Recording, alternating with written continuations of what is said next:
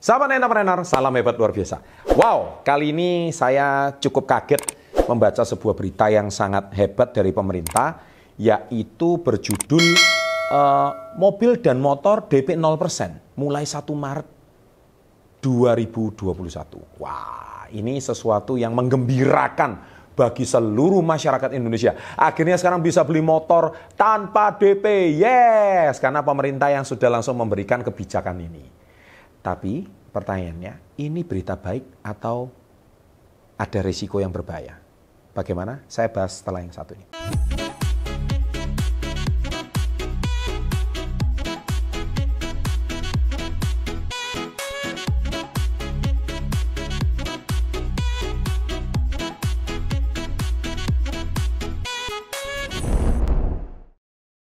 Oke, sahabat entrepreneur. Jadi eh, setelah saya baca berita ini dari liputan6.com, BI resmi menurunkan uang muka atau DP 0% untuk kredit kendaraan bermotor per 1 Maret 2021. Ini belum pernah karena biasanya selalu pakai down payment. Ketetapan ini berlaku baik untuk ber kendaraan bermotor 2 ataupun kendaraan roda 4. Mobil juga. Wah, ini keren yang mau beli mobil tanpa DP ini asik ini ya. Gubernur BI Peri Wario mengumumkan kebijakan tersebut merupakan komitmen dari Komite Stabilitas Sistem Keuangan KSSA guna meningkatkan sektor pembiayaan untuk dunia usaha. Kita semua tahu bahwa gara-gara pandemi sektor uh, otomotif itu terpukul habis, banyak sektor mobil baru itu terpukul habis gara-gara masalah ini. Biasanya kalau Anda mau beli itu harus DP minimal uh, 20 sampai 30 persen. Nah, Uh, menurut dia, pemerintah perlu mendorong permintaan kredit pada dunia usaha yang lesu akibat pandemi COVID-19. Demikian juga untuk penawaran kredit dari perbankan yang harus didorong.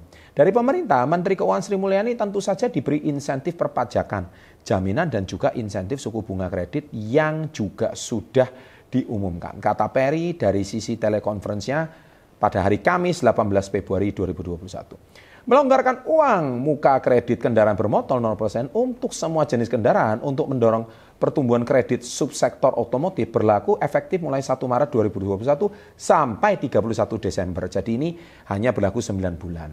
Pelonggaran lain yang dilakukan yakni terhadap loan to value kredit, pembiayaan properti 100%. Kebijakan ini berlaku untuk seluruh jenis properti seperti rumah, tapak, rumah susun, hingga rumah ruko yang memenuhi kriteria non-performing loan NPL tertentu. Kemudian melonggarkan ketentuan loan to value rasio untuk kredit properti dan juga transparansi mengenai suku bunga kredit. Opini saya, ya jadi gini ya, uh, sahabat entrepreneur, saya melihat berita ini saya cukup gembira karena ini juga mendorong sektor otomotif yang luluh lantak gara-gara pandemi. Tapi saya juga agak sedikit miris. Maklum, ya saya terkenal dengan coach financial kalau di YouTube. Jadi edukasi finansial memang saya banyak cukup memberikan. Uh, saya selalu bukannya optimis, saya itu selalu orang yang sangat optimis. Tapi saya selalu kalau menganalisa sesuatu itu juga menganalisa kemungkinan terburuk masyarakat Indonesia. Uh, saya punya banyak pengalaman Ya, kita tahu orang Indonesia itu sangat konsumtif. Saya ulangi lagi. Masyarakat Indonesia itu sangat konsumtif. Apa sih maksudnya sangat konsumtif? Boros. Kita perhatikan kalau orang Indonesia itu kalau keluar negeri, pasti yang dipikir satu, oleh-oleh. Ya. Padahal oleh-olehnya sampai di rumah nggak kepake. Gitu loh. Ada barang-barang yang akhirnya uh, tidak digunakan. Kadang membeli belanja sesuatu yang akhirnya tidak berguna juga. Terus tujuannya itu apa? Gitu. Terutama, sorry, kaum hawa. Kaum hawa ini kan kalau shopping sesuatu, itu kan emosinya yang bermain. 95%. Bukan logiknya yang bermain. Kadang-kadang ada duit berapa yang penting hari ini saya perhatikan ya, saya senang sih sektor-sektor contoh seperti kayak eh, restoran, itu memang menggeliat sekarang. Dan kalau kita masuk kafe restoran itu juga tidak murah loh. Ya, sekarang angka-angka di kota-kota besar ataupun uh, let's say kita lihat di kota-kota kecil ya, uh, seperti kayak tempat wisata, itu nggak usah jauh-jauh. Nasi goreng aja harganya bisa 35 sampai 40 ribu. Wow, menurut saya itu bukan angka yang murah. Gitu loh. Tapi ramenya luar biasa. Nah inilah, masyarakat Indonesia itu konsumtif. Kalau saya tanya, wih duit dari mana mereka begitu banyak? Ya bagus. Pertanda kelas ekonomi menengah Indonesia itu sudah semakin meningkat. Ya, artinya sudah semakin tajir nih, sudah semakin kaya raya. Cuma, sekali lagi, saya ini kan edukator finansial. Saya ini selalu menekankan tentang apakah benar Anda pakai uang itu adalah uang gaji bulan kemarin kah? Ataukah uang itu Anda pakai memang dana darurat kah? Ataukah uang yang Anda pakai itu memang benar-benar uang yang Anda miliki satu-satunya? Jadi saya tidak mau Anda berpikir tuh gini, hari ini ada uang habis hari ini. Urusan besok dipikir lagi. Nah ini, ini problem yang sering terjadi di masyarakat dan kalangan kita. Nah kalangan kita ini akhirnya kalau mindsetnya seperti ini terus, ya kapan kayanya Anda? Kan saya sudah sering bilang, beli fungsi bukan beli gengsi. Yang menentukan Anda kaya raya itu berapa uang yang Anda tabung, berapa uang yang Anda simpan, bukan berapa uang yang Anda hasilkan. Anda hari ini punya gaji 10 juta tapi pengeluarannya 11 juta, sama aja. Lebih baik punya gaji 5 juta, tapi Anda masih bisa nabung 1 juta. Anda jauh lebih kaya raya daripada orang yang gajinya 2 sampai 3 kali lipat lebih kaya dari Anda. Nah ini masalah mindset sekali lagi saya sudah tegaskan. DP 0% ini saya khawatir tuh satu, masyarakat yang nggak pernah punya mobil berbondong-bondong beli mobil. Masyarakat yang motornya udah satu atau dua, minimal nggak butuh motor lagi, akan beli motor ketiga, motor keempat, atau dia pikir, ah murah kok satu bulan cicilannya 500 ribu, nggak usah DP lagi. Toh dia pikir, nah padahal dia nggak tahu kalau motor itu kalau nggak dipakai itu juga ada biaya depresiasi. Mending Anda belikan emas di Tamasya contohnya.